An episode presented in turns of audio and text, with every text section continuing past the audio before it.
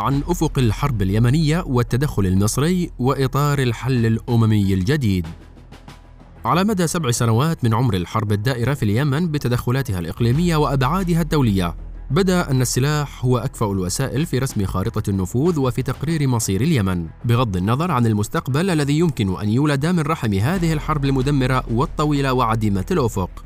وعبر هذا السلاح يجري فرض لاعبين إقليميين جدد على أرض شبه مستباحة تقريبا من المتدخلين الخارجيين.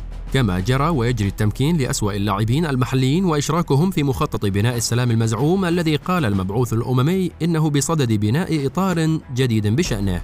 منذ بداية الحرب وأثنائها جرى وبشكل ممنهج ومقصود وضع كميات كبيرة من السلاح الثقيل والمتوسط والخفيف وكذلك الأسلحة النوعية الأخرى كالصواريخ والطائرات المسيرة والقذائف الحرارية بأيدي الجماعات التي تهدد كيان الدولة. وتفرض مشاريع سياسية تهدد السلم الاجتماعي والوحدة الوطنية وسلامة الدولة وكيانها القانوني. ومعظم هذا السلاح وضع بأيدي الحوثيين فيما تكفلت دولتا التحالف بإيصال الكميات المناسبة والمكافئة لجماعات مسلحة تعمل خارج نطاق الدولة وتهددها. في مقابل ذلك جرى تجريد الشعب اليمني وجيشه ومقاومته من السلاح وارتهن معظم هذا الشعب لإدارة المتحكمين بمنافذ البلاد ومياهها الإقليمية وسمائها وأرضها بحيث لا تطلق رصاصة واحدة إلا حيث يريد المتحكمون أن تطلق وبأي اتجاه. لذلك فقد المئات من قادة الوطن ومقاتليه حياتهم بفعل الضربات الجوية التي استهدفتهم عندما كانوا يحاولون التقدم باتجاه العدو على مشارف صنعاء. وفي مناطق مختلفة من مناطق الاشتباكات الحيوية شاءت الأقدار أن يكون أصحاب القضية العادلة وهم معظم الشعب اليمني بلا غطاء إقليمي أو دولي فقد حملوا فوق ما يحتملوا من الاتهامات والتقديرات الخاطئة. والتصورات الموجهة التي جعلت من اليمن ساحة معركة مع أعداء مفترضين غير واقعيين. كالجماعات الإرهابية التي تبين أنها مجرد أدوات يجري التحكم بها من غرف العمليات الأمنية المحلية والإقليمية.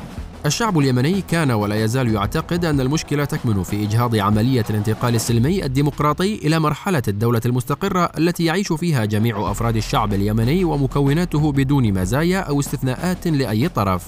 وأن السلاح ينبغي أن يستخدم بكثافة لتحييد القوى التي تحول دون استئناف عملية الانتقال السياسي وتحاول فرض مشاريعها التي بات واضحا أنها تهدد البيئة الأمنية الإقليمية برمتها وليس اليمن فقط لأنها أي المشاريع بكل بساطة تحتفظ بامتدادات حيوية مع أجندات إقليمية خطيرة.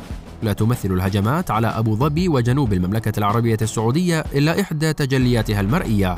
مع إمكانية أن تتحول إلى موجة من الحرب الغاشمة العابرة للحدود والتي تهدد بها إيران المنطقة بأكملها عبر تشكيلاتها المسلحة التي بدأ بعضها كألوية الوعد الحق العراقية يتبنى هجمات على أبو ظبي.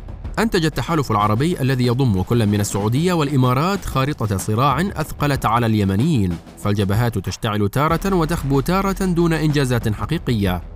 هذه الخارطة لم تعد للأسف تحمل أي وعد بالأمل والخروج من دائرة الحرب المفرغة هذا. لا لأن التحالف يفقد القدرة على إعادة توجيه الحرب نحو أهدافها المشروعة وإلحاق الهزيمة بالحوثيين ومن خلفهم إيران ولكن لأنه يعتقد أنه بوسعه أن يصمم وضعا جيوسياسيا. سيتكفل اليأس المستبد باليمنيين وحده في القبول به وتحويل مفاعيله من لاعبين وقوى مسلحة إلى حقائق راسخة على الأرض. وقد بدأت ملامحها تتشكل بالفعل حيث تتوزع القوى المسلحة على الجغرافيا اليمنية المستباحة وتلك الواقعة تحت سيطرة جماعة الحوثي الطائفية المسلحة. هذه القوى جميعا وفي ظل غياب الدولة المعترف بها دوليا تقوم بفرض المشاريع السياسية المتصارعة وتفرض الإتاوات وتمهد الطريق أمام انتقال اليمن إلى دولة فاشلة جديدة جنوب الجزيرة العربية. تتنازعها القوى المتصارعة المتخادمة مع أسوأ الأجندات الإقليمية.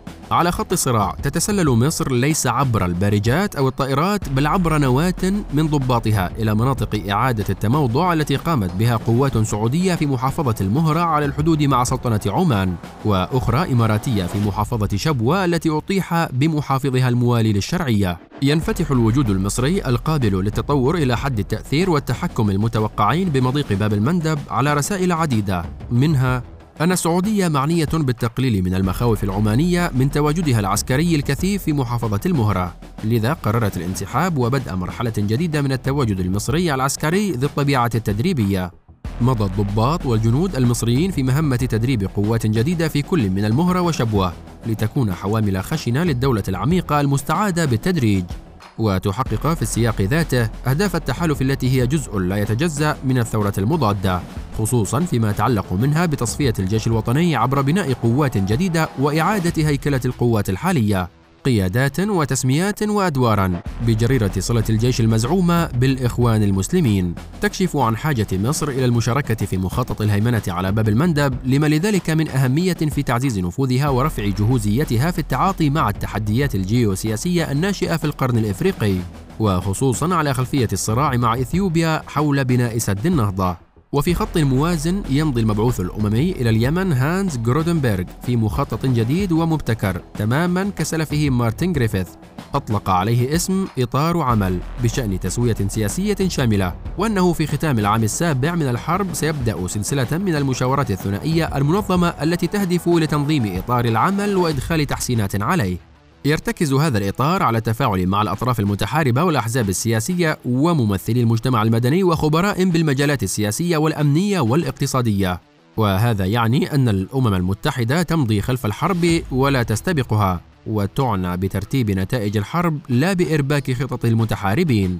ولكي يبقى هذا المبعوث على دوره ويستمر في التصرف بميزانية سنوية لمكتبه الذي يتخذ من العاصمة الأردنية مقرا له والبالغة 20 مليون دولار فإنه معني بتدارك أن تمضي الحرب باتجاه التقليل من مكانة الحوثيين ونصيبهم من الجغرافيا ودورهم الجيوسياسي.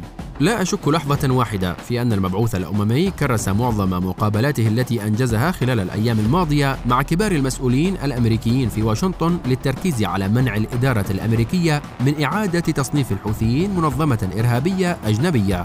فالرجل يريد أن يعمل بالأريحية ذاتها التي عمل بها سلفه إذ إنه ما من طرف سيطالبه بالمزيد أو بتحرك حقيقي لإنهاء الحرب عبر إنهاء مسبباتها وليس بشرعنة هذه المسببات.